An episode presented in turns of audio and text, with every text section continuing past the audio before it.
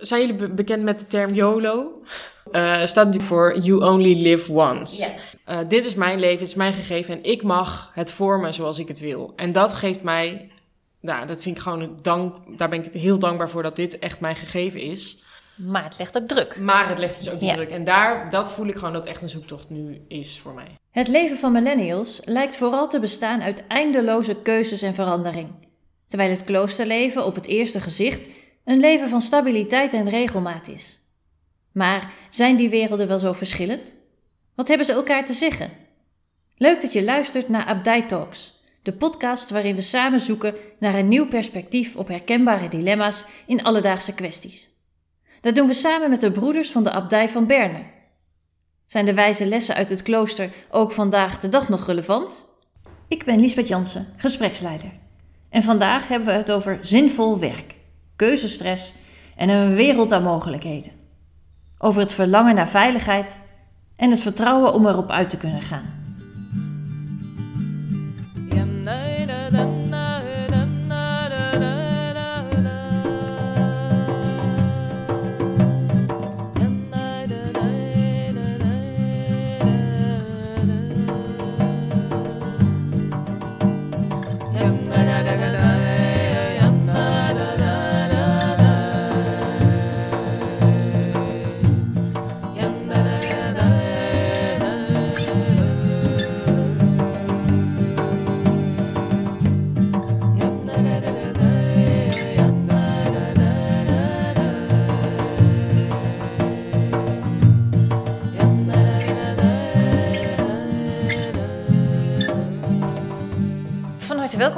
Ik zit hier met Joost, broeder Joost en eh Annette. We gaan het vandaag hebben over werk. Maar allereerst willen jullie natu- natuurlijk graag weten wie Annette en Joost precies zijn. Dus ik ga hen allebei vragen om even zich heel kort eh, voor te stellen. Ik ga bij jou beginnen, broeder Joost. Ik ben dus Joost Jansen, hier uh, Norbertijn van de Abdij van Berne en ik uh, mag me verheugen in een uh, goed leven. Ik heb vanaf mijn negentiende zit ik in het klooster en ik heb altijd, met, met oog op het onderwerp wat we vandaag hebben, altijd gewerkt. Zinvol gewerkt. Dankjewel. Annette. Nou, ik sta nog aan de andere kant. Ik ben uh, Annette, ik ben 24 jaar. Ik studeer tot orthopedagoog. Ik ben bijna afgestudeerd over een maand. En dan gaat waarschijnlijk mijn werkleven ook beginnen. En ik heb daar wel nog vragen over. Ja, want hoe, uh, hoe kijk je daarnaar? Dat het nu op, dat je op de drempel staat, als het ware? Zo voelt het echt, ja. ja. Um, nou, ik merk wat, wat onder veel millennials, zoals we dat noemen, wel leeft, dat ik heel veel keuzestress ervaar. Omdat er gewoon heel veel mogelijkheden zijn, heel veel keuzemogelijkheden. Enerzijds voel ik een soort van druk om een cv op te bouwen binnen een vakgebied waarin ik ben afgestudeerd. Uh, maar er zijn nog heel veel meer keuzes om gewoon andere dingen te gaan doen. En ik, wil, ik voel wel een soort van alsof dit mijn enige kans is tot. Uh, ja, het voelt wel, dit is het leven dat mij is gegeven, dus ik moet dat optimaal benutten. En dat geeft me denk ik wel soms meer druk dan nodig. Ja, en in het benutten uh, hoor ik je ook zeggen dat je dat gaat om keuzes maken. Ja. Ja. ja. Ja, en want met name de keuze die je maakt zorgt ervoor dat een andere keuze, dat je die niet maakt. Ja. Dus je sluit ook dingen uit door Ja. een keuze te maken. En dat, dat is inherent aan keuzes maken, maar dat vind ik wel heel moeilijk. Ja. Herken jij dat, Joost, die druk om keuzes te maken? Zeer zeker, zeer zeker. Ik, uh, ik heb het in mijn eigen leven, herken ik dat, maar ik merk het ook in het leven van mensen met wie ik spreek. Ik ben pastoor, dus ik kom, en ik woon het hier in de abdij, kom je ook een heleboel mensen tegen. En dan kom je heel veel mensen tegen die op een gegeven moment in hun leven een keuze moeten, tussen aanhalingstekens, moeten maken. Mm. En hoe doe je dat? Wanneer ik uh, dan iemand, met iemand mag, op weg mag gaan, en die zegt, en die zegt ik wil er echt serieus werk van maken, dan heb ik daar een kleine methode voor. Ik zeg, ga nou eens zitten. Als je nou komt, neem dan eens een keer een leeg schrift mee. Aan de linkerkant zeg je een plusje, en aan de andere kant zit een minnetje. Je hebt de keuzes tussen het een of het ander. En leef nou eens een hele dag met alleen maar wat alle voordelen zouden zijn wanneer ik, wanneer ik in die richting zou gaan. Maar is dat voor jou het dilemma? de voor- en de nadelen tegen elkaar afwegen? Nou, ik, ik denk eigenlijk dat ik daar, eh, als ik dat mag zeggen, best wel goed in ben. Mhm. In zeg maar rationeel, objectief alle voor- en nadelen tegen elkaar afwegen. Ehm, maar het punt is dat als je al, al die keuzes hebt, dan kun je dus eindeloos plussen en minnenlijstjes maken. Zo voelt het voor Ja. mij vaak. En ik denk dat het voor mij noodzaak is om veel meer te gaan naar wat daar nog onder ligt. Wat voelt voor jou als de nou, juiste keuze. precies, precies. Want ik had mijn zin nog niet afgemaakt. Eh, Daar, ik blijf even bij mijn onderwerp. Want het is plussen en minnen is niet van rationeel opschrijven. Natuurlijk moet je ook je hersens gebruiken. De ratio is iets wat ons gegeven is. Maar wel, waar word ik van binnen warm bij? Ja. Waar heb ik een echt een diep gevoel? Waar gaat mijn hart nou uit? En een andere dag is dan dat je met je concentreert gewoon echt. Ik ga leven met ik doe het niet. Wat komt er dan in je Oh, ja. op? En niet, niet rationeel. Dat- Rationeel is ook goed, maar wel waar word ik angstig? eh, voel ik in mezelf stevige werkingen en zo. eh, eh, ik voel me onheimisch. Nou, en dat zet je dan. En op een gegeven moment, als je zo een aantal. Nou, met de mensen met wie ik spreek. Er komt op een gegeven moment toch een moment. Nou, dan kies ik daarvoor. Ik heb Ja. het in mijn eigen leven ook gedaan. En dan is er een soort. Hè? Want wat jij zegt is natuurlijk waar. Als je voor het ene kiest, laat je een heleboel die andere dingen laat je achter. Ja. Als je voor die ene man kiest, dan zijn er nog een heleboel andere leuke mannen. Maar Ja. het, het is die ene. En wat ik wel merk in mijn omgeving is dat het ook, het kan gewoon blijven stromen met keuzemogelijkheden. Ja. Dus nog voordat het je gelukt is om naar binnen te gaan van wat wil ik en wat voel ik en waar, wat is mijn eh, pad. Dan zit je op LinkedIn, op Instagram, op waar dan ook. Zie je eindeloos stromen van mogelijkheden die op je afgevuurd worden. En dan is het heel moeilijk om daartussen nog bij jezelf te blijven van wat voel ik daar dan in. Annette, daarom zijn we hier. Namelijk, daarvoor creëren we hier in die abdij een kader waarin je tot rust kunt komen.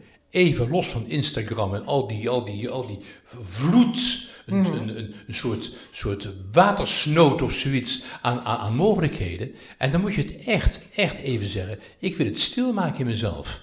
En, dan, en dan, dan bieden we hier de mogelijkheid. Ja, dan kun je 's ochtends in de kerk even zitten. En dan denk ik, En als ik u goed begrijp, zegt u ook van eh, om goede keuzes te moeten maken, moeten we in ieder geval even uit de stroom van, van, Precies. van mogelijkheden. Een soort, in, je moet in een soort quarantaine, dat woord kennen we nu vandaag. Een, een soort quarantaine kunnen, moet, moet, je, moet je gaan zitten. Een soort retraite. Retraite betekent je even terugtrekken. Ja, Maar als ik daar wat over mag zeggen, want ik denk Ja. dat dat zeker wel heel fijn is en goed is. Aan de andere kant denk ik ook dat de realiteit van veel jongeren van vandaag de dag is dat je midden in die stroom zit. Ja. Dus je kan wel zeggen, ehm, ik, ik sluit me daarvan af en ik ga twee dagen daaruit. Maar ik denk dat het ook zaak is om te leren omgaan met midden in die stroom Ja.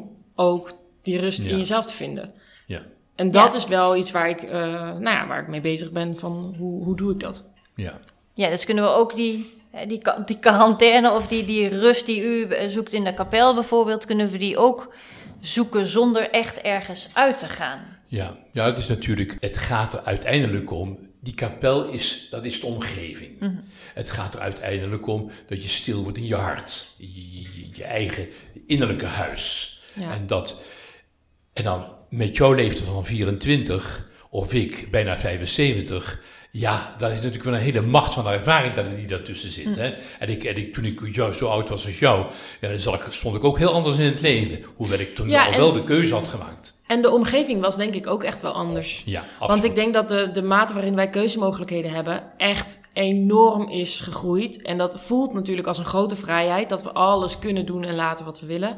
Maar er zit ook een soort van paradox in dat we, hoe meer vrijheid we krijgen, hoe meer we ook opgesloten kunnen raken in onszelf. Omdat we dan Ja. dus niet meer weten waar we het moeten zoeken om Ja. zo'n keuze te maken. Ja. Maar wat, misschien gaat het ook wel over het belang van werk. Hoe belangrijk is werk eigenlijk in je leven?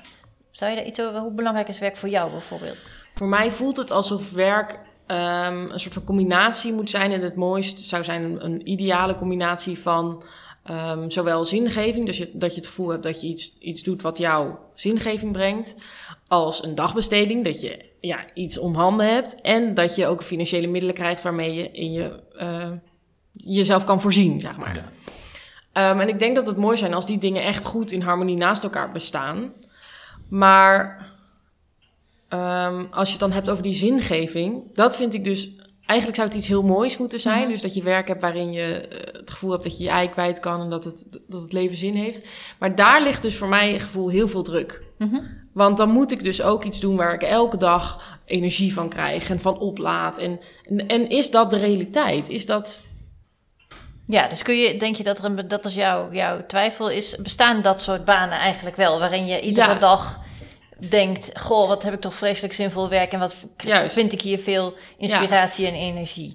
Hoe, hoe kijk jij daar naar, Joost? Ja, ja ik, ik ben daar heel, ik ben er wat reëler in. Ja. Eh, Echt reëler in.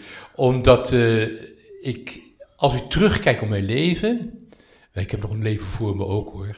Eh, terug op mijn leven, dan zeg ik dat ik altijd, altijd zinvol werk heb gehad. Maar ik heb het niet altijd zo ervaren. En, en, en ik heb ook heel stom werk moeten doen. Heel stom werk. Omdat er gewoon geen ander werk was. En ik was metselaar in het klooster. En op een gegeven moment was er niks meer te bouwen. Toen moest ik er maar tegeltjes af, afbikken. Voordat de oude tegeltjes, voordat ze nog een keer kon hergebruiken. Weet je wat? Nou, dat is, dat is stomzinnig werk. En tenslotte, en op een gegeven moment denk je, ach ja. Want als ik nu kijk wat ervan gemaakt is. Op den duur, na, na tien jaar verder dat die tegeltjes er lagen. denk ik, ach, het is dan toch nuttig geweest. Maar wel heel lang daarna, hè? ja, maar dat was het. Want als ik het goed begrijp, was het dus zinvol voor het grotere goed. Voor deze. ehm Ja, voor, partij. de, voor, ja voor, voor, Precies. voor waar we voor staan. Ja. Maar dan, dan leef je dus niet zozeer in om op dat moment iets te doen wat op dat moment voor jezelf als zinvol voelt. Nee, absoluut niet. Het was gewoon Nee. stom werk. Ja, Maakt dat iets uit? Maakt het iets uit dat je dus werk doet inderdaad waarbij je op dat moment denkt... Ik had net zo goed iets anders kunnen doen, was even zinvol geweest. Ja, natuurlijk. Maar ik, ik, ik, eh, het kwam om me weg. En op den duur heb ik gezien dat het zinvol is. En, en dat ik daar toch ook weer plezier aan on- ontleen. Ja. Nou, en, en, daar, ik, ben daar, ik ben er nooit aan onderdoor gegaan. Dat niet. Ik heb nooit me moeten verlagen erin. Ik ben altijd mezelf erin gebleven, hoop ik, hè, met mijn ups en downs. Ja. Maar, maar het is wel dat je ook soms werk hebt wat, wat op objectief nou, niet, niet, niet de schoonheidsprijs heeft, maar dat je toch zegt, om het geheel doe je het en daardoor bouw je mee aan iets groters dan jezelf, wat je nog niet ziet. ja. En dat is geloof, dat is vertrouwen. Maar ehm, voor mij voelt het wel dus als dat je dan achteraf kan zien, dit was ergens goed voor. Ja. Ik ben wel van mening dat eigenlijk alles wat je doet, heeft, ja, dat leidt wel ergens toe. En dat heeft vast wel een hoger doel. Maar op dat moment wil je toch ook een soort van voelen, ja, misschien ben ik heel idealistisch, maar heel voelen dat je Tuurlijk. op dat moment Tuurlijk. iets doet wat goed Ja. voelt of zo. Tuurlijk kan het. Dat is, dat is ook zo. Maar ik, ik merk wel, en maar goed, dat is mijn inbreng bij jou, dat, dat het niet altijd zo gebeurt. Nee. En dat, dat, dat je daar ook op een gegeven moment moet zeggen, nou, het zij zo. Ja, precies. En dat is, dat is eh, een heel andere situatie als, die, als wat jouw dilemma is. Want dit is. eh, jij zegt iets teru- terugblikkend op iets. Van ach, als ik nu achteraf bekijk, dan denk ik: Goh, dit was toch eigenlijk zinvol. Precies. Terwijl jij in de situatie zit dat je een keuze moet maken van welk van de, van de honderdduizend opties Ja. die er steeds voorbij komen, vind ik zinvol genoeg. Ja, en, en ik wil gewoon voor mezelf, naar mezelf toe kunnen zeggen: ik leef niet op een automatische piloot. Ik leef niet op een soort van. Eh, ik, ik zwem mee in de stroom, want zo gaat die stroom nou eenmaal. Ik wil zelf een bewuste Ja. keuze maken waarin ik Ja. ja, kies voor hoe ik mijn leven inricht. Maar dat geeft wel heel veel verantwoordelijkheid. Ja. Ja, Ja, dat is zo. En, en ik raad dan altijd aan als ik zoiets hoor, dan zeg ik, begin ook maar. Hè? ja. Ergens aan mee beginnen en dan ontdekken of het jouw, jouw weg is. ja. ja. Is werk voor jou, Annette, bepalend voor wie je bent? Ehm, ik zou dat misschien iets minder willen, maar ik voel wel een soort van vereenzelviging met mijn professie of zo. Ja, nou, omdat ik ook wel echt van mening ben dat wat je dagelijks doet en wat je dagelijks zegt en wat je gewoontes zijn, dat bepaalt uiteindelijk wie jij bent als persoon.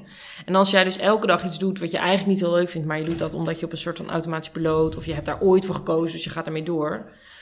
Wie, wie ben jij dan nog actief zelf in de keuze van wie jij bent als mens? Dus ik voel wel uh, een soort van identificatie met mijn werk, ja. Ja. Ja, en als, als jij zo praat over dat uh, automatische piloot, uh, daar heb ik toch vragen bij voor mezelf. Ik denk natuurlijk, van de buitenkant af gezien, kun je zien, kun je zeggen van, ik zit op de automatische piloot. Maar de innerlijke beleving daarvan kan ook zijn van, ik doe dit nu vooralsnog. Hmm. En dan moet ik wel een beetje automatische pilotig handelen, maar mijn hart blijft toch gevoed. Ja. En dat, dat is. En hoe, hoe doe je dat dan? Dat mijn hart blijft toch gevoed? Waar zit hem dat dan in? Ja, ik denk toch dat, mij, dat, dat mijn innerlijk toch steeds gevoed wordt door een hele grote stroom, een hele grote traditie. En al die verhalen die ik die geregeld ook in, in, in, in, in de Bijbel lees, om zo maar te zeggen, mhm. dat, dat, dat helpt mij allemaal. Dat, dat, eh, dat, uh, ja. en, en voor mensen die buiten zo'n traditie staan, hoe kun je toch bij wijze van spreken werk doen waarvan je denkt, nou goed, ik moest, een, ik, ik moest geld verdienen, dus ik doe dit nu. Ja. Um, maar dat je tegelijkertijd ergens iets vindt waardoor je denkt, nou, hier vind ik mijn... Nou, ik zou, ik zou die mensen aanraden, blijf, blijf zoeken naar iets wat een mhm. onderstroom is. Hè? Blijf zoeken naar onderstroom is. Uh, je hebt tegenwoordig allemaal uh, ook, ook, ook methodes, maar die zitten eigenlijk meer op het, uh, op het van hoe, hoe kan ik meer, op, op het ik gericht. Hè? Mhm. Terwijl ik toch ehm, meer van de strekking ben, ben van hoe sta ik open, zodat de ander mij ook iets aanreikt. Dat, dat, dat, is, dat is wel een groot verschil. Hè? Je, kunt, je kunt op je gat zitten, je op je krent zitten, uh, yoga en, en uh, al die, wat prima is, maar dat gaat helemaal naar jezelf toe. Maar je kunt ook zo, hoe sta ik in het leven uh, en hoe het gelaat van de ander, hoe inspireert mij dat om zelf ook aan mezelf te komen. Ja, dus eigenlijk, ja, ja. Eh, een soort van alles wat je doet heel bewust doen. Dus ook in je contacten met de ander. En ook het saaie werk heel bewust doen. Ja, en, en, en het een wat ik wel heb ontdekt, het een na het ander doen. En niet tegelijkertijd de dingen doen. Mm, en, sorry, ja. nou, hier, hier, hier werd een snaar geraakt volgens mij. Ja, hier werd volgens mij een snaar geraakt. Vertel, vertel, ga even uitleggen. Mag ik mijn voorwerp tevoorschijn halen? Oh ja, zeker. Want dat hoort er helemaal bij. Mhm. Ik heb hier een voorwerp, dat, heb ik, dat hangt bij mij in mijn kamer aan, aan de muur. Dit is een Jacobsschelp. Dat is heel bekend. En u ziet, er zitten gaatjes in geboord, want die zat op mijn fietstasje toen ik op mijn fiets naar Santiago de Compostela ben gefietst vanaf hier. Dus 2800 kilometer. Maar ik heb 25 eh, jaar lang heb ik steeds grote pelgrimages gehad. En een pelgrimage, zo, daar heb ik geleerd om het een na het ander te doen. Als je, als je je voorstelt dat ik nu moet 2800 kilometer moet gaan fietsen, dan zeg ik dat lukt mij nooit. Want dat is te ver. Maar als ik zeg ik ga morgen 100 kilometer fietsen en de dag erop ga ik 100 kilometer fietsen, dan na 28 dagen heb ik 2800 kilometer gefietst. Ja. Zo zie ik dat ik ook ja, toch wel leef uh, met alles wat ik doe. Ik, ik, toch ben ik heel ondernemend, want ik heb hier... En ik ben pastoor in een parochie, grote parochie. En ik ben tot een aantal, jaar, aantal maanden geleden... was ik ook nog directeur van de uitgeverij en boekhandel. Dus, maar ik kon het allemaal aan, omdat ik het een na het ander deed. Ja, dus stap voor stap, zeg maar. Stap voor stap. En dat is, dat is het beeld van die pelgrimage. Dat je hebt een doel, je wilt in Santiago de Compostela, de ontmoeting met die heilige. Of je daar geweest is, is een tweede. Maar oké, okay, dat zijn de verhalen. Je, je wordt gedragen door het verhaal En tegelijkertijd doe je het stap voor stap. En dat, en dat geeft op den duur in mijn leven, heeft het ook een hele rust gebracht, zodat ik het een na het ander doe. En dan kan ik weer het volgende doen en dan weer het volgende. En zo blijf ik toch, hou ik toch de innerlijke rust. Ja, toen je net begon over stap voor stap, toen zei jij, hmm, heb je nog steeds hmm? Nou ja, om nog even hier, ik vind dit wel bewonderenswaardig. Ik vind dit wel, dat stap voor stap, dat, dat ambieer ik zelf ook. Want ik denk dat ik en veel jonge mensen met mij wel heel graag eh, al voor zich willen zien waar het naartoe gaat. Hè? En al willen weten Ja. wat het eindstreep Ja. is. En dat is dan met zo'n fietstocht misschien... heb je duidelijk in beeld wat de eindstreep is. Maar dat is met, ook met carrières en zo. Je weet gewoon nog niet waar het naartoe gaat. Dus dat is, is denk ik inderdaad wel iets waarin ik weer meer rust zou mogen vinden. Maar eh, teruggaande naar dat eh, na elkaar... Als ik het heb over dagelijks leven, ik zou het ook best wel voor me zien dat ik meerdere banen heb of meerdere projecten die naast elkaar lopen. Omdat ik ook heel erg voel, maar misschien is dat mijn karakter, of het is dus iets voor jonge mensen, dat ze niet durven kiezen. Maar dat ik heel erg voel dat ik energie krijg voor het een als ik net klaar ben met het ander, op dezelfde dag soms. Dus dat ik een podcast aan het voorbereiden ben, s ochtends, oh helemaal leuk, bla bla bla. Maar dan denk ik, ben ik er weer uit. En dan krijg ik dus ook weer nieuwe energie om aan Ja. mijn andere project, wat ik ook nog aan het doen ben, te beginnen.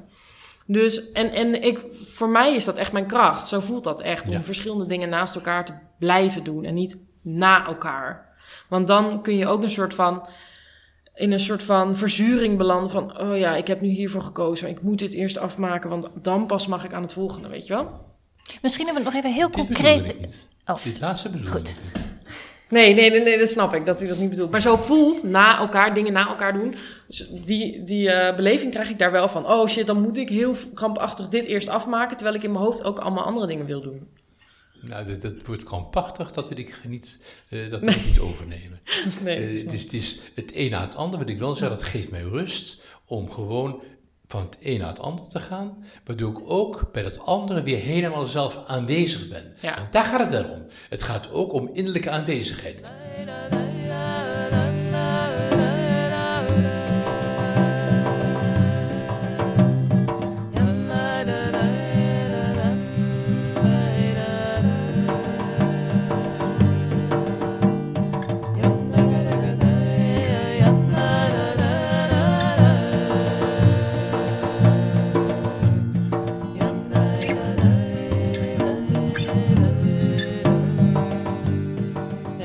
Als we het nog eens even heel concreet maken, hè, Annette, want je vertelde al, je studeert orthopedagogiek. Wat voor soort dingen zou je willen doen? Nu je straks als ik ben bent. Ja. afgestudeerd. Nou, ik zou op zich wel met, met dit vakgebied iets willen doen. Mhm. Hoewel ik nog niet heel goed kan onderscheiden voor mezelf of dat is omdat ik het zelf echt heel graag wil. Of omdat ik ook een soort van iets voel naar de samenleving toe. Ik heb dit gestudeerd. Ik moet dit nu ook Verplichting. waarmaken. Ja, wel Ja. een soort verplichting. Ehm, maar ik, vind, ik heb het natuurlijk ook wel met een reden gestudeerd, dus ik vind het ook zeker boeiend. Maar ik voel ook wel gewoon dat ik, ik wil schrijven en ik, ik denk dat ik zeg maar eh, bepaalde kwaliteiten die in mij zitten heel lang een soort van niet heb willen zien of niet heb aangeraakt, omdat ik nou eenmaal voor deze studie heb gekozen, weet je wel? Dus dan- Zoals? Welke kwaliteiten heb je laten liggen? nou, zoals schrijven Mhm. en, en, en presenteren. Gewoon dingen maken. Dus Mhm. niet per se gewoon een, een tekening, maar eh, een project opstarten, zeg Mhm. maar. En dat is niet per se iets wat een, een wetenschappelijke vaardigheid is. Nee. Ehm, maar ik voel wel heel veel enthousiasme om, om een evenement te organiseren Mhm. of zo. Ehm, maar ik voel daar ook nog heel veel schroom in om dat soort van hardop uit te spreken. Omdat ik ook denk, ja, maar jij hebt toch die wetenschappelijke opleiding in die eh, richting gekozen. Waarom zou je dan nu iets anders gaan kiezen? Ja, Maar om op je vraag terug te komen. ehm, ik zou dus wel heel graag meer bijvoorbeeld eventmanagement-achtige dingen doen. En dan ook part-time iets binnen bijvoorbeeld de jeugdzorg of het onderwijs. Grandioos. Heerlijk. Ja, ik- Ja. als ik het zo ook zeg, dan heb ik op zich ook wel zin in, ja. Ja, precies. Nou ja, misschien, misschien is dat leuk om, om je eens voor te stellen. Stel je voor dat je nu iemand zei: eh, Je bent eigenlijk klaar. Je krijgt van mij genoeg geld om een half jaar te gaan doen wat je wil. Oh, maar dan ga ik eerst weg. Dan ga je weg. Ja. Ja, wat ga je dan doen? Ja. Nou, ik zou heel graag nog gewoon willen reizen. Ik, kijk, Australië is nu tot en met eh, 2022 dicht. Dus dat is heel spijtig. Maar misschien ga ik gewoon voor de deur liggen wachten. nee, maar ehm, ik zou wel echt nog wel graag even weg willen. En wat, wat, wat, wat ga je daar halen in Australië? Wat- nou, het hoeft niet per se Australië te zijn. nee, Maar ik, heb, ik ben een, een aantal keer in mijn eentje op reis geweest. En het voelt gewoon heel vrij voor mij om elke dag opnieuw te, te beslissen wat ik doe. En nog niet te weten waar ik s'avonds slaap, bij Mhm. wijze van. En, en daardoor ben ik heel aanwezig in het moment. Terwijl Mhm. hier, als we teruggaan op die automatische piloot... ik weet gewoon eigenlijk al heel erg hoe de dag gaat lopen. En daardoor kan ik ook dus heel erg in mijn hoofd gaan zitten. Omdat ik dan dus die ruimte voel om dus maar te gaan piekeren. Terwijl daar moet ik gewoon eigenlijk nadenken... oh ja, nu lunch nodig. Nou, ik heb geen koelkast, dus ik ga op zoek naar lunch. Weet je, dus je leeft zoveel meer letterlijk van stap naar stap. Ja. Eh, en dat geeft mij heel veel rust in mijn hoofd.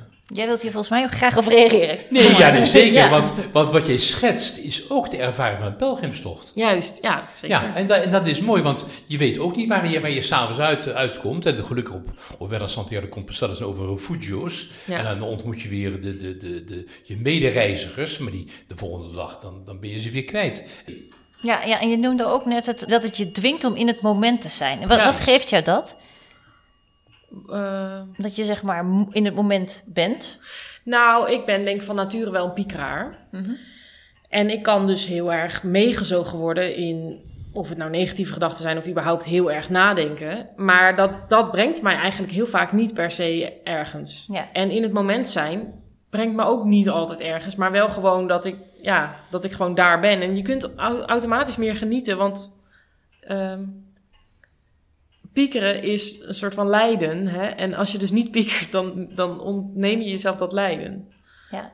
En is dat in het moment zijn, wat eh, Annette net beschreef, dat wat jij al eerder aangaf als wat jij ervaart als je eh, voor de viering nog even in de kerk gaat zitten en dat je je hart probeert te. eh, te richten. Ja.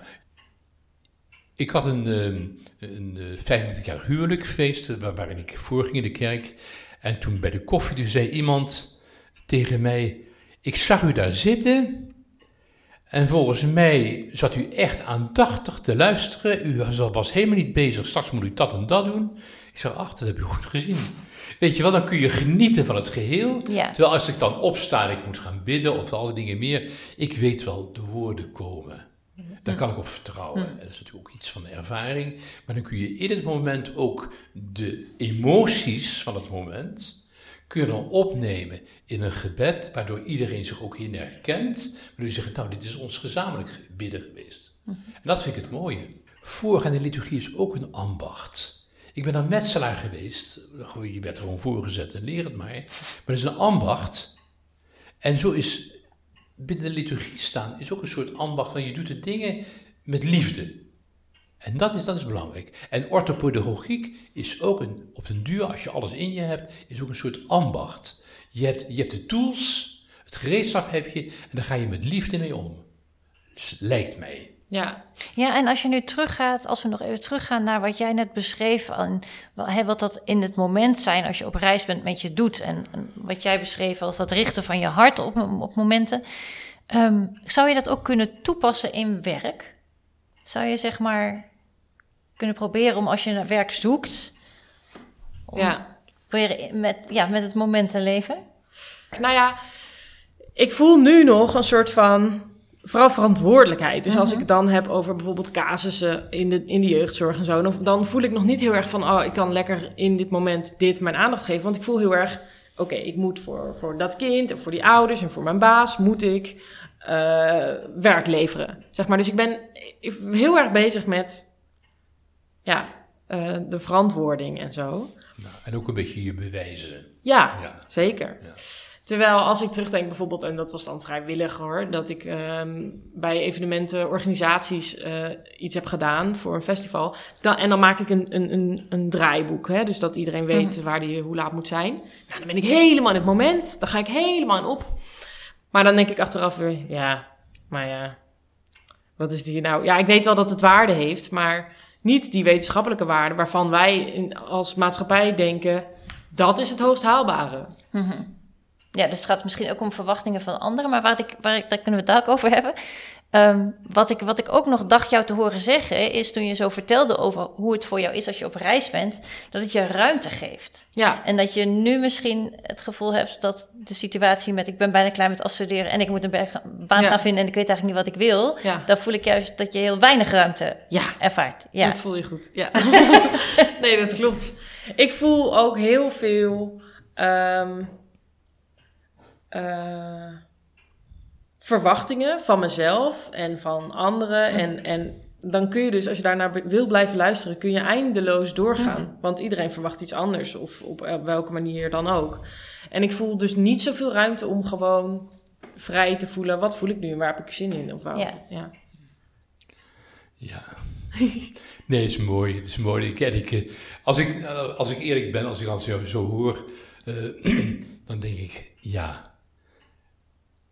Als jij een aantal jaren in je vak, in je ambacht bezig bent, dan krijg je ook meer ja, armslag om gewoon te zeggen, zo is het. Dit doe ik. En, en nu sta je nog aan het begin.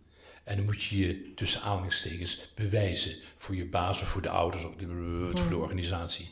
En op een gegeven moment krijg je ook zoveel ervaring dat je zegt van, ach, laat maar. Zo Ja. is het goed. Ja, dus ik hoor jou zeggen van, goh, die, dat ervaren van ruimte, waar je ook bent of wat je ook doet, heeft ook te maken met een bepaald zelfvertrouwen of met een Ja, bepaald juist onze, een- het gebrek daaraan of je dat kunt. zelfvertrouwen en ook pure ervaring. Ja, maar daar, als ik daar even wat over mag zeggen. Want stel, ik kies er nu voor om even een paar jaar te gaan werken als orthopedagoog. Maar voel eigenlijk van alles eh, borrelen om andere dingen te gaan doen. En vijf jaar daarna weer iets anders. Wat dan ook. Dan blijf je eigenlijk je leven lang een beetje een beginneling. Wat ik ergens niet erg vind. Want ik denk dat dat een soort van in mij zit om altijd iets nieuws te willen leren. En niet een soort van willen berusten in. Dit heb ik nu helemaal gekozen. Maar het kan ook voor zorgen dat je dus altijd een soort van onrust blijft voelen. En die bewijsdrang. Want je bent nooit de ervarene in het vakgebied. Want jij bent weer degene die nieuw heeft gekozen voor iets. Daar heb ik vraagtekens bij. Ehm, als, je, als ik naar mijn leven terugkijk, dan denk ik, die heeft vanaf zijn 19 in het klooster gezeten. Wat saai, altijd hetzelfde. Nee, het is ook een heleboel steeds nieuwe uitdagingen. En die komen op je weg. Maar dan moet je wel je ogen open, je ogen en je oren open houden om erop in te spelen. En dan zie ik ook bij medebroeders dat ze niet inspelen op de situatie, dat ze blijven zitten in het, in het genre, in het, terwijl, terwijl ik, godzijdank, altijd de kracht heb gehad en de inspiratie heb gehad om te zeggen, daar ga ik op af. En dat ga ik weer onderzoeken. En, en dan zijn er binnen ook zo'n kader, van de kader van zo'n klooster, zijn er altijd mogelijkheden om te doen. En dan zullen ze zeggen, oh, daar komt, daar komt hij weer. Ja, dat zullen ze tegen mij zeggen, daar komt hij weer, daar heeft hij weer wat. Daar moeten we even bij, bijbenen. Nou, dat vind ik, vind ik boeiend, want daar, doe ik het niet om. Maar ik wil, ik wil wel bezig blijven. Ja, Ja, dus je zegt eigenlijk van, goh, door, door te kiezen voor één ding, eh, creëer, creëer ik een bepaalde stabiliteit. Maar ik blijf open voor al die andere Tuurlijk. impulsen die ik ken en voor de andere talenten die ik heb, die ik Ja. misschien niet eh, direct in deze, in deze baan of in deze, op Ja. deze plek kan benutten, maar dat kan ik dan op een andere manier. Precies, maar dat is wel onder de veilige bedding, zeg maar, voor u dan van deze tuurlijk. ehm abdij. Ja, En ik, maar dat komt natuurlijk ook omdat ik aan het begin sta. Hè? Maar ik zie het leven nog wel voor me als van. Ik weet van mezelf dat ik, dat ik voor dingen ga kiezen die spannend gaan zijn. Want Tuurlijk. ik wil weer iets nieuws. En dat, Ja. dat zit ook in mij. Maar daardoor maak ik mezelf misschien ook wel een soort van moeilijk. Door altijd een soort van voor die onrustige weg te kiezen. En ik denk dat het daar voor mij nog een soort van. dat ik nog mag kiezen voor een soort balans. Dat het soms ook oké is om gewoon even iets gekozen te hebben. En daar dan even in te berusten. Ook al denk ik misschien ondertussen al van... Oh, ik wil weer naar iets volgens, want ik... eh, weet je wel? je gebruikt het woord berusten. Je kunt ook zeggen, daarvoor kan ik u dankbaar zijn. Wat is het verschil? Het verschil is in berusten, dan ga je zitten en dankbaar zijn, dan benoem je iets, dat weet ik, dat je dankbaar bent om het gegeven moment, om de gegeven ervaring, maar wanneer je om iets dankbaar bent, geeft het ook energie om weer vooruit te gaan. Dus dan, dus dan zou je zeggen, juist op momenten waarop Annette in dit geval denkt... "Huh, ik zit hier eigenlijk, ik wil eigenlijk, ik heb eigenlijk weer zin in iets anders en ik wil hier eigenlijk eh, eh, eh, weg. Dan is dat, zijn dat juist momenten om stil te staan bij wat je wel hebt. Ja, en even terug te kijken en te zeggen, nou, daar ben ik dankbaar om en we gaan verder. Ja, het klinkt nu allemaal Ja, zo maar mooi, is dat, dat, dat, dat... En we gaan verder. Dat, dat moet ik dus misschien juist mezelf soms ook afremmen. Ja. Dus dat dankbaar zijn. En dat het dan dat dat genoeg mag zijn. Dus dat ik heb gekozen voor een jaar ergens in werken. En dat ik dan ook voor mezelf soms op dinsdagmiddag mag zitten en zeggen... Ik ben dankbaar voor hoe het nu is. En ik hoef niet nu weer een volgende ding aan te grijpen. Nee, morgen wel. Ja, weet ik niet. Want, want daarin maak ik mezelf het dan dus wel ook altijd. ehm, ja. Ja? Eh, maak ik mezelf ook heel erg weer eh, onderdeel van die, dat rad van altijd maar iets nieuws willen en altijd iets, iets. Zeg maar, ik vind dat een hele mooie eigenschap. Maar ik vind dat ook soms moeilijk, want ik gun het mezelf ook om soms dus te zitten en dankbaar Ja. te zijn. Ja, ik hoor je ook iets in, in de verlangen naar veiligheid of zo. Ja, ik denk dat ik wel heel... Ja, dat denk ik wel. Ja. Ja. En veiligheid heeft voor mij te maken met vertrouwen, maar ook met liefde, met vriendschap. Eh, Dat je toch ergens een, een, een veilig thuis hebt, veilig nest of veilige omgeving, waar je even jezelf mag zijn en, en, dan, en, dan in, eh, en dan weer de, de boze wereld in. je. Ja. Maar dat is, dat is eh, ja, Heb je wel eens getwijfeld? Ja, vast wel ergens aan, maar ik bedoel, in je werk, je bent natuurlijk lang, je zei net al, directeur geweest van de uitgeverij. Ja. Kun, je, kun je een voorbeeld noemen van een, een moment of een situatie waar je dacht, nou, eh, moet ik dit wel gaan doen? Ik zat al van 1984, was ik werkzaam bij de uitgeverij. En op een gegeven moment zaten we echt met een hele moeilijke situatie. Want eigenlijk was de boel bijna failliet. Omdat eh, we hadden een drukkerij, die moesten overeind houden. Met het, met het geld van de, van de, eh, van de uitgeverij. Nou, en toen op een gegeven moment hoor, kreeg ik een telefoon. Zou jij dat niet, zou je dat niet willen doen? Zou je wat willen doen? de, de, de uiteindelijke directie voeren. Dus ja, als ik, de, als ik dienstbaar kan zijn. eh, maar ik wist niet wat ik op mijn hals gehaald heb. dat bleek naar de hand pas. En toen heb ik eh, dus in een, toen hebben we een jaar tijd hebben we erover gedaan om de drukkerij te stoppen. Veertien man op straat. dat, eh, maar toch, dat is, dat is toch een verantwoordelijkheid. Maar anders was de hele zaak in failliet gegaan. Ja. En, en toen, toen kwamen we in een, in, een, in een stroom. Ja, en heb je natuurlijk wel eens een keer zeggen van, is dit goed, is het niet goed? Eh, we hebben wel allemaal, ja, dan heb je, met, heb je een, iemand van het, uit het bedrijfsleven die dat en allemaal adviseren. Maar op een gegeven moment zul jij de, de, de, de knoop door moeten haken. Hè? Ja. En, dat, en dat, nou ja, daar heb ik fouten in gemaakt. Geluisterd naar iedereen, maar dan maak je een keer een fout. En maar als ik, dus, als ik, als ik die beslissing had gedaan, waren er andere fouten gebeurd. Begrijp je? Zo gaat het dan.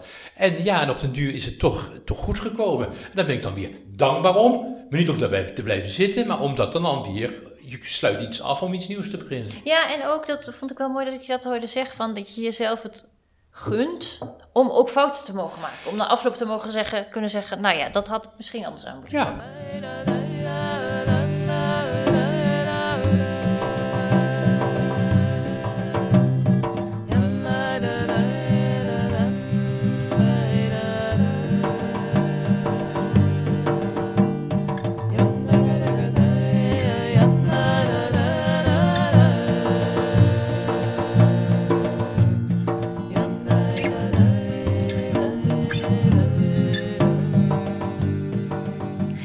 Voorwerp meegenomen? Ja. Ik heb... ehm, eh, het is niet het voorwerp zelf, want het, het is een foto van een voorwerp. Uh-huh. Dat is een eh, soort poster dat eh, vanaf dat ik ben geboren boven mijn bed in mijn Aha. ouderlijk huis heeft gehangen. Wat ik heb gekregen van mijn overgroot ehm, oma. Dus de moeder van mijn oma. En dat is een eh, gekalligrafeerd gedicht. We, we weten eigenlijk nog steeds niet of zij het nou heeft gemaakt of dat het, dat het gekocht is. Ik zal het even voorlezen. Kind, een vlinder ben je. Onbevangen, gedragen door de wind, dansend in de zon, de toekomst open. Sla je vleugels uit, zoek, vind je evenwicht, weet je beschermd, veilig in de hand van je schepper. Kind, een vlinder ben je. Mooi. Zo ziet het. Mooi. Nou, en dat, dat heeft dus altijd boven mijn bed daar gehangen. En ehm, eh, ik word er bijna een beetje emotioneel. Is toch mooi? ja, nou ja, ik, en, en zo... ehm, als we het net hadden over een soort van veilig gevoel... dan geeft dit geeft mij wel echt een veilig gevoel. En ook omdat het gaat over sla je vleugels uit. En zo, zo voel ik dat ook heel erg van... ehm, dit is mijn leven en ik mag kiezen waar het heen gaat. Dus ik mag zelf daar die keuze in maken. En, en ik voel daar dus heel veel verantwoordelijkheid ook in. Dat, daar hebben we het al over gehad. Maar ook wel met het vertrouwen van dus waar jij ook naartoe vliegt, wij vertrouwen in jou. Ja, want dat, dat dacht ik, dat is het, het heeft die, die beide kanten waar je het net ook al even over had. Het enerzijds het... Sorry. Dat maakt niet uit. Mooi? Sorry, ja, ga verder. Dat enerzijds het, hè, het, je vleugels mogen uitslaan, keuzes mogen maken, je weg mogen gaan. En tegelijkertijd die veiligheid van er is Ja. een plek, de, wij zijn er. Ehm, Ja, en ik denk dat dat precies nu natuurlijk het moment is om daar ook over te twijfelen, om daar vragen over te hebben van wat is nu mijn, mijn thuis, wat is mijn veilige haven en uh, ja. Sorry hoor. Maakt niet uit. Nee, dit is gewoon mooi. Ja, nou ja. Um, kijk, ik weet niet, zijn jullie bekend met de term YOLO? Dat is een beetje uit de context getrokken natuurlijk in de laatste jaren. Maar YOLO uh, staat natuurlijk eigenlijk voor You Only Live Once. Ja. Ja. En um, hoe ik vind dat het nu gebruikt wordt, is natuurlijk helemaal niet de bedoeling dat je van een brug afspringt en dan schreeuw je YOLO. Um, het is meer dat, dat die, die, die kern van je hebt dit leven, dit leven is jou gegeven. En dat voel ik dus ook heel erg met, de, met deze poster of dit, dit kunstwerk. Uh, dit is mijn leven, het is mijn gegeven en ik mag het vormen zoals ik het wil. En dat geeft mij, nou, dat vind ik gewoon dank, daar ben ik heel dankbaar voor dat dit echt mijn gegeven is. Maar het legt ook druk. Maar het legt dus ook die druk. En daar, dat voel ik gewoon dat echt een zoektocht nu is voor mij. Ja. ja. En dat die, dat die uh, nog heel even over dat YOLO, dat you only live once. Kijk, wij zijn, en ik misschien iets meer dan de gemiddelde jongeren, heel bewust van onze eindigheid. Mm -hmm. Kijk, een kat die slaapt en die heeft niet door dat dit misschien de laatste dag is dat hij ligt mm -hmm. te chillen. Anders zou hij misschien hele leuke dingen gaan doen. Maar hij gaat lekker slapen, want hij, hij, heeft, hij heeft zin om te slapen. Dat ja. is, snap je? En wij zijn heel bewust van onze eindigheid. Dus gaan, ik althans, voel dan dus ook dat ik dat tot ten volste moet benutten. Mm -hmm. Dit leven hier. Um, ja, en dat, dat geeft dus ook wel echt uh, een druk. Ja, ja, snap ik. ik ben, ik ben heel benieuwd hoe jij daar naar kijkt. Ja, ik, als ik, ja ik, bij mij is het anders gewoon. Hè? Mm -hmm. dus, uh, maar ook omdat ik dan voel dat ik van een andere generatie ben. Dat moet ik gewoon eerlijk toegeven. Uh, maar wat ik bij jou wel hoor, Annette, dat is, dat is die, die, die veiligheid. En daarom werd je ook ontroerd van die traditie van overgrootmoeder naar grootmoeder, naar je eigen moeder en zo. En dat is in, die, in die traditie sta je. Ja. En, en dat is, bij een vlinder komt altijd uit een kokon. Hè? Uit die kokon ben je dan ook voortgekomen. Ja. En dat geeft toch ook weer ergens een veiligheid. En die druk die ik zie op veel jongeren, van ik moet nou uh, de, de maatschappij en ik moet me laten zien en ik, ja, dat is, uh, ik hoop dat we op een gegeven moment toch een, ook een samenleving een beetje meer kunnen, kunnen bouwen, dat het onderlinge veilig zijn bij elkaar, dat dat meer groeit, het verbinden. Ja. En, en er is op het ogenblik is er ontzettende nood, vind ik, als ik kijk naar de mensen in mijn parochie, ontzettende nood aan verbinden. En, ja. heeft, dat voor, heeft dat voor jou inderdaad de, de verbondenheid die Joost nu benoemt? Heeft dat voor jou iets te maken met, het, met de druk die je ervaart in het hè, you only live once, ik moet iedere dag, daar moet ik, iets, daar moet ik het beste uithalen? Um, en wat bedoel je dan met wat de rol van de verbondenheid daarin speelt voor mij? Nou, omdat daar, ik zeg dat de verbondenheid, dat het verbinden, er in een netwerk staan, dat dat bij mij en bij, bij mensen die ik ken, de druk eraf neemt. Oh, en jij hebt het over de druk dat je, je leeft maar één keer, dus nou staan alle ogen staan gericht op mij, van wat zal Annette ervan maken en zal ze slagen of niet slagen? Nou overdrijf ik schromelijk, maar, maar eh, dat is wel een druk. Nou ja, ja en dat uh, die verbinding, ik probeer dat wel heel erg in mijn naaste kring natuurlijk echt zo te voelen. Maar ik denk dat onder veel jongeren ook eigenlijk een soort van competitie wel speelt. Ja. Um, heb jij zo'n stage? Oh, dat is, ja, nou, ik heb zo'n stage, Hm. weet je wel. Kijk naar mijn cv, die is beter dan jouw cv. En uh, dat, dat is natuurlijk helemaal niet uh, gezond. Nee. En, um, maar ja, dat, dat speelt wel. De, en ik denk dat dat ten koste gaat van een verbinding. Ja. Dat ben ik mee eens, ja. Als je nu terugkijkt naar je studies, bijna afgelopen. Ja. En je moest daar twee woorden aan verbinden, één positief en één negatief. Welke Hmm. zou je dan oh, kiezen? Spannend. Um, nou, dan is denk ik groei. Een positief woord. Ik zie dat als positief. En ik vind groei eigenlijk helemaal niet zozeer gerelateerd aan vakinhoudelijk, wat ik, hoe ik ben gegroeid. Maar eh, ik heb eh, bijna zeven jaar gestudeerd. En daar, daarin groeien, hoe dan ook, denk ik. Maar voor mij is het ook de eerste periode in mijn leven waarin ik heel bewust ben gegroeid. Kijk, daarvoor zat je gewoon op de middelbare school, in de basisschool. Dat, ja, je groeit wel, maar... En nu heb ik heel bewust zelf daarin stappen gezet, dingen gekozen. Wil je daar iets over zeggen? Wat, wat, wat kenmerkt voor jou die groei?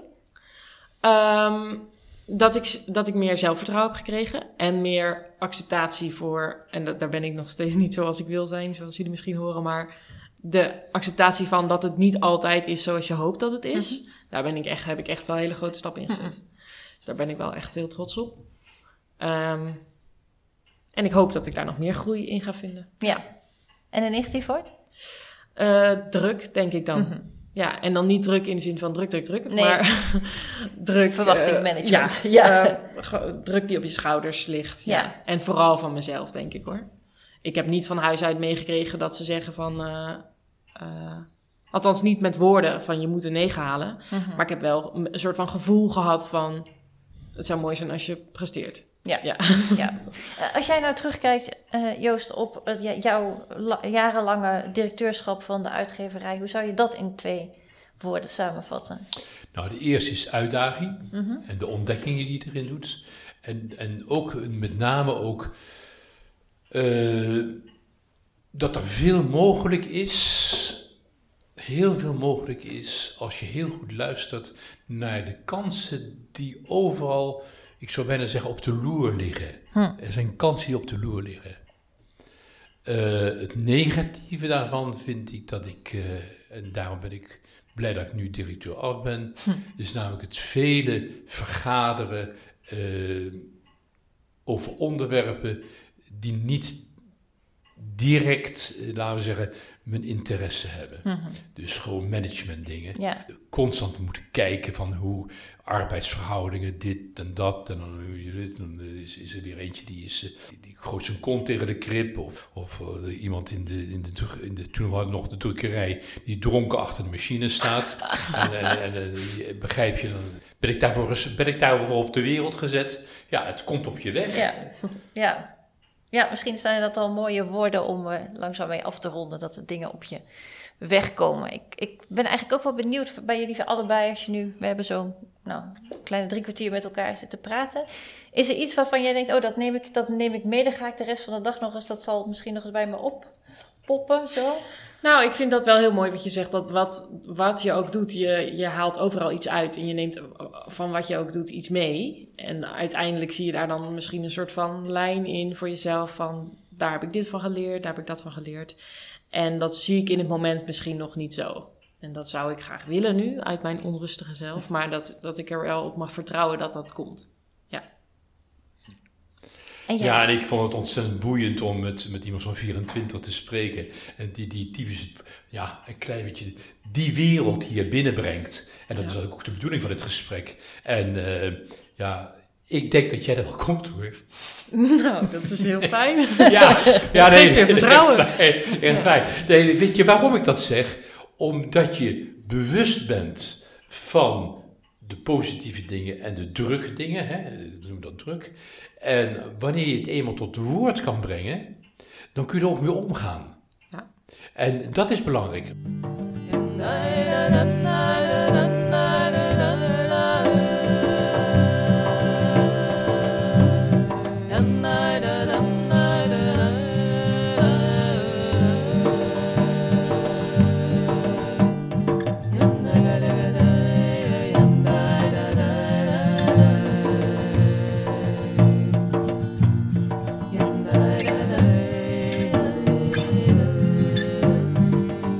Bedankt voor het luisteren en tot de volgende keer.